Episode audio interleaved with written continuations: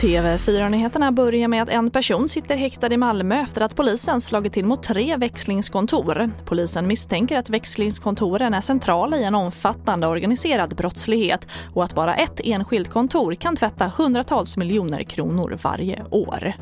Vi hade och har bedrivit spaning och ett intensivt spaningsarbete under ett antal månader mot bland annat då växlingskontor här i Malmö.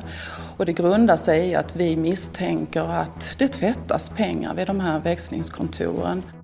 Och det sa Ulla Karlbrink, kammaråklagare.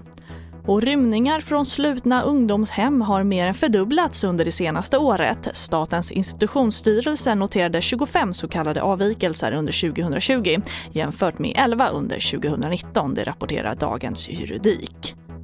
Och vi avslutar med att den pågående utredningen kring Estonia och de kommande dykningarna vid vraket förväntas totalt kosta drygt 50 miljoner kronor, det rapporterar SR. Haverikommissionerna i Estland, Finland och Sverige inledde i oktober sina preliminära bedömningar av de två nya hål i skrovet som upptäcktes av dokumentärfilmare. TV4-nyheterna, jag heter Charlotte Hemgren.